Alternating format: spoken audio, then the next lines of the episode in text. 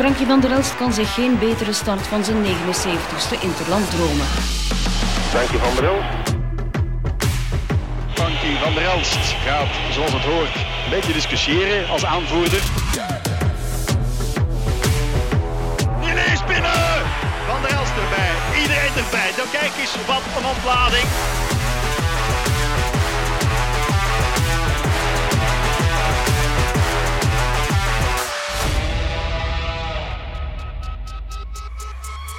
Ja, je een carrière gaat in stappen. Hè. Allee, zo heb ik dat altijd gezien. Ik ben uh, begonnen uh, in Lombeek, Blauw-Wit Lombeek, kleine club, naar RWDM. Na een paar jaar uh, RWDM bij de jeugd hoop je wel van bij RWDM te kunnen spelen in het eerste helftal. En dan ga je naar club. Dan is dat ja, de Rode Duivels wel het volgende waar je aan denkt. Je maakt je debuut tegen Griekenland. Daar herinner ik me nog heel erg goed, omdat ja, dat zijn zo van die ja, mijlpalen, als je het dan zo mag zeggen, in een, in een carrière. Dat was geen uh, geweldige wedstrijd, maar voor mezelf was dat, was dat wel een, belangrijke stap. En dat ging, voor zover dat ik me nog kan herinneren, vrij goed. Dus, maar ja, zoals gezegd is er altijd concurrentie. Hè. er was Rankin. Uh, er was uh, Kleister, als ik me allemaal goed herinner. Er, waren, er was natuurlijk George Groen, uh, Stefan de Mol, die, die ook net was doorgebroken bij Anderlecht. er was wel stevige concurrentie. Eerste Gerrit.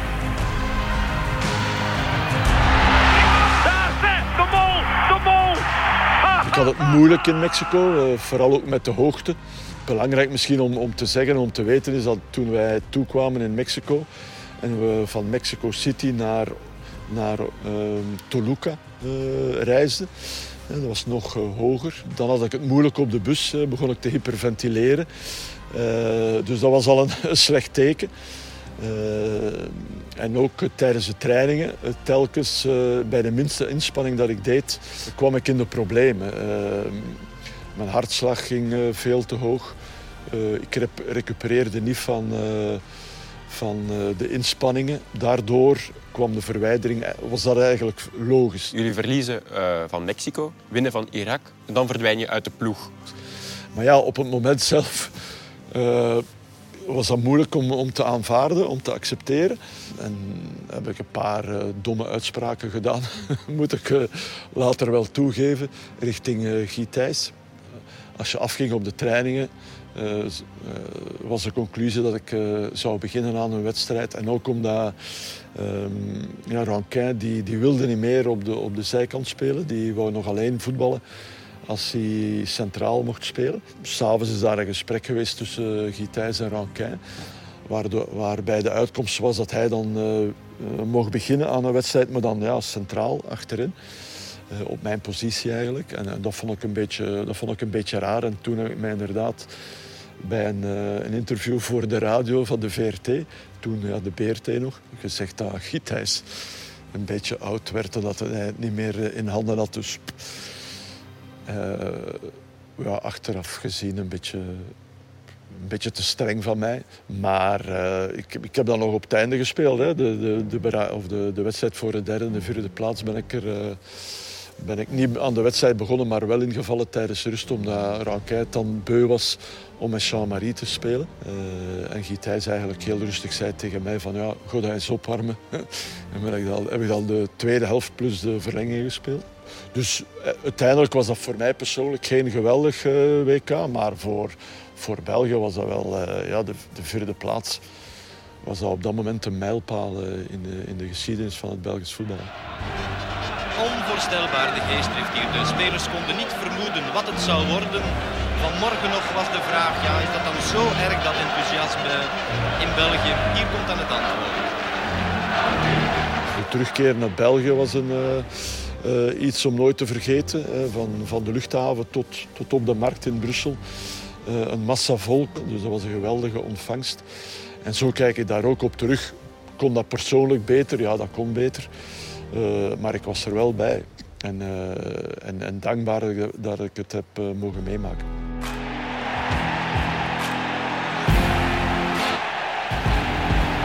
Ik had echt het gevoel, ik weet niet hoe dat dat, ik kan niet voor de andere jongens spreken. Uh, dat, dat wat we in, in Mexico hadden gedaan, dat we dit konden herhalen. We, we speelden heel erg goed, de sfeer was heel erg goed. Um, op training werd er goed gewerkt. Het niveau op trainingen was hoog. Alleen, ja, alleen was er uh, dat ene moment van, van plet.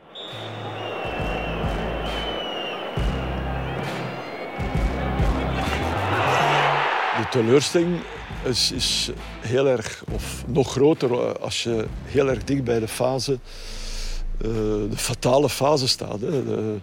Dus de vrije trap, uh, ik zie die bal komen.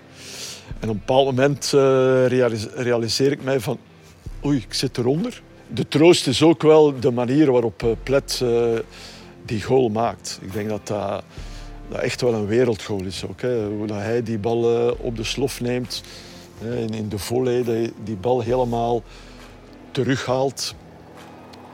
dit, ja, Allee, als ik nu, ik ben nu, ik denk vaak, ik ben nu analist, dan denk ik, ja, ik zou ja, voor de speler van de Rels misschien wel streng zijn geweest. Maar langs de andere kant ook de schoonheid van het doelpunt uh, wel uh, onderstrepen. Het doet altijd wel een, een, beetje pijn op het moment dat het passeert. En naar aanleiding van WK's of als er op een WK tegen tegen Engeland moet gevoetbald worden, ja, is dat ene moment, uh, komt, dat komt altijd terug. Hè. Maar, dus dat is, uh, ja, dat is nu eenmaal zo. Na dat WK neemt uh, Thijs afscheid. Ja. Paul van Himst komt dan als nieuwe coach. Had je een goede relatie met hem dan ook? Betekent... Met Van Himst? Heel erg. Ja, fantastische mens. Ik vind een van de mooiste mensen binnen, in, binnen het Belgisch voetbal. Ik heb heel goede herinneringen aan. Ik vond het altijd heel plezant om, uh, om, hem, om hem te zien. Ik noemde hem eerder een coach dan een, dan een trainer. Dus hij gaf van alles wel, kon daar wel een draai aan geven op een humoristische manier. En dat, kon, dat, dat apprecieer ik wel heel erg in hem. Als hij te horen kreeg over dat kaarten en over veel geld, ja, dan riep hij de groep uh, een keer bij elkaar. En dan begon hij met, ik ga dat nooit vergeten, met de gevleugelde woorden tegen Dirk Metvet, die ook af en toe, of die ook meespeelde. En Dirk, en daar notte nog. Ik vond dat geweldig. Zo van, hè, je moet zien dat je, hè, dat je je auto niet verliest met, met, met, die ka met dat kaarten. Ik vond vond dat een zeer, zeer aangename periode met hem bij de Rode Duivels. Groen is mee. George Groen! En het is gelijk. George Groen maakt gelijk. Ja, de grootmacht Amerika, daar naartoe kunnen gaan. Dat, dat, was ook wel iets speciaals, vond ik. Op een groot toernooi tegen Nederland spelen uh, is ook iets. En opnieuw winnen. Dat, dat deed veel plezier. En de manier waarop ook. Want oké, Michel Perdom heeft daar heel goed gekipt. Uh, maar de, de prestatie van uh, het ganse team was heel erg goed. We gaan daar ook later op het toernooi ja, we hebben onszelf daar uh, een beetje in de voet geschoten. Ja, om te beginnen, het grote probleem was de nederlaag tegen Saoedi-Arabië. De manier waarop, uh, hoe heet het niet, Oya Waran, zoiets. die daar het gansveld mocht oversteken, er een stuk of vijf mocht voorbijlopen. Dat had nooit mogen gebeuren. En daardoor moesten we heel erg snel tegen Duitsland spelen. Ik denk dat we twee, ja, drie dagen later weer al moesten voetballen. We moesten ons verplaatsen, terwijl we anders mochten blijven vijf dagen eh, pas voor de volgende match tegen de Ieren. Ja, dat het, daar hadden we veel meer, veel meer kans gehad. Uh, en dan, ja, dat, het ene moment met Weber. Altijd penalty natuurlijk. Penalty, rode kaart. Had misschien, je moet hem altijd nog binnentrappen, de penalty. Dat weet ik ook wel. Maar had misschien 3-2 kunnen zijn met nog redelijk veel te spelen. Ook, ja, dit was een geweldige pas van, wie was het, George Groen op Weber en uiteindelijk was eh, een penalty. Eh, we maken nog de 3-2. Philippe Albert maakt nog de 3-2, maar te laat. Maar de Duitsers hadden ook al ja, veel kansen gehad. Ons toernooi, ons toernooi is naar de knoppen gegaan tegen, tegen Saoedi-Arabië. En niet zozeer het moment van Weber en Reutlisberger.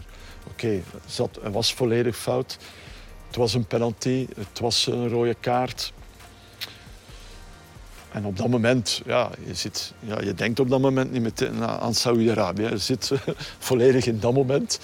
En, en, en, ja, je gaat dan reclameren met, denk, de helft van de ploeg. Um, maar Saudi-Arabië, oh ja, waarom? Of zoiets, hoe dat hem ook mag heten, heeft ons, uh, heeft ons toernooi volledig om zeep geholpen. Ik dacht echt, oké, okay, that's it. Of dit, dit, is het geweest. Drie, drie WK's. Mooi ook. Ik zeg niet dat ik aan het blijten was, maar het, zat, zat, er niet verder van. Um, uh, want de Lore, de Lore vroeg nog Lorenzo Stalens zo van, hè, wat is het? Zei, ja, het is over, hè. het is gedaan. Ik was 33. Uh, nog eens aan een campagne beginnen. Uh, zou 35, hè, Europese campagne dan, kwalificatiecampagne, zou 35 betekenen voor een volgende toernooi. Ja, zijn er niet zo heel erg veel die die, die dat op die leeftijd ook nog, nog doen. Dus in, in mijn hoofd eigenlijk was het, was het over. Uh, ik denk dat Johan Wallem dan uh, uh, aan de deur aan het kloppen was of daar al bij was. Ik dacht, ja, laat nu maar echt, de echt jonge jongens maar, maar spelen. En dat was dan ook de, de, reden waarom dat ik ermee gestopt ben. Um, en op dat moment had ik echt zoiets van, het is helemaal gedaan. Uh, maar ja, goed, dan kwam, uh, dan werd, uh, kwam George Lekes aan het roer, die me dan opbelde. Ben ik dan bij hem thuis wat gaan babbelen. En, en, en, die vroeg om, om terug te komen. Had ik nog niet echt direct een beslissing genomen, maar uiteindelijk hebben we dat dan uh, toch wel uh, gedaan. Ook gelukkig dat hij dat gedaan heeft, want daardoor heb je een goal gemaakt voor de Rode Duivels. Ah, ja, ja tegen Noorwegen. Was dat Noorwegen? Ja. Ja, één, één doelpunt op, 7, op 86 wedstrijden. Dat is natuurlijk niet veel, maar ik heb er toch één gemaakt. Het is ook nog een mooie. En, en het is ons uiteindelijk ook nog gelukt naar Frank, om naar Frankrijk te gaan. Waardoor ik er uiteindelijk vier heb kunnen spelen. Wat dan natuurlijk wel ja, als je spreekt over vier zijn, ja, daar ben ik dan vier op. Allee. Dus daar ben ik echt wel... Uh, ik heb uh, twee matchen gespeeld en de derde zat ik op de bank. Zat ik op de bank, sorry. Het toernooi op zich was minder, maar die kwalificatiematchen, daar heb ik echt nog wel uh, een goed niveau gehaald. Daar ben ik echt wel, daar ben ik echt wel ja, vier op. Ik heb ook, ook op clubniveau hè, heb ik, heb ik ook over heb ik over weinig dingen spijt. Ik ben heel erg, toen ik uh, begon bij RWDM, had ik nooit gedacht uh, dat ik uiteindelijk zo'n carrière zou, zou kunnen maken. Dus ik, moet, ik ben daar ook uh, gewoon dankbaar voor. Iedereen waar ik heb mee, mee, mee mogen voetballen, ben ik gewoon, ben daar gewoon heel erg content over. Goed, dan mag je nog even de iPad pakken. Daar hebben we aan twee mensen gevraagd om nog een, een woordje over jou te zeggen. Oh, twee. Frankie van der Elst, de grote Fox. Ik heb er eens even bij zitten nadenken. Wij kennen elkaar al 30 jaar. Ik ben in uh, de zomer van 92 de kleedkamer van Club Brugge binnengestapt. En daar zat de grote Frankie van der Elst. Ik heb Frankie leren kennen uh, als een absolute leidersfiguur toen in de kleedkamer. Uh, zonder dat eigenlijk te willen forceren. Hij speelde niet de leider, hij was dat op een natuurlijke manier.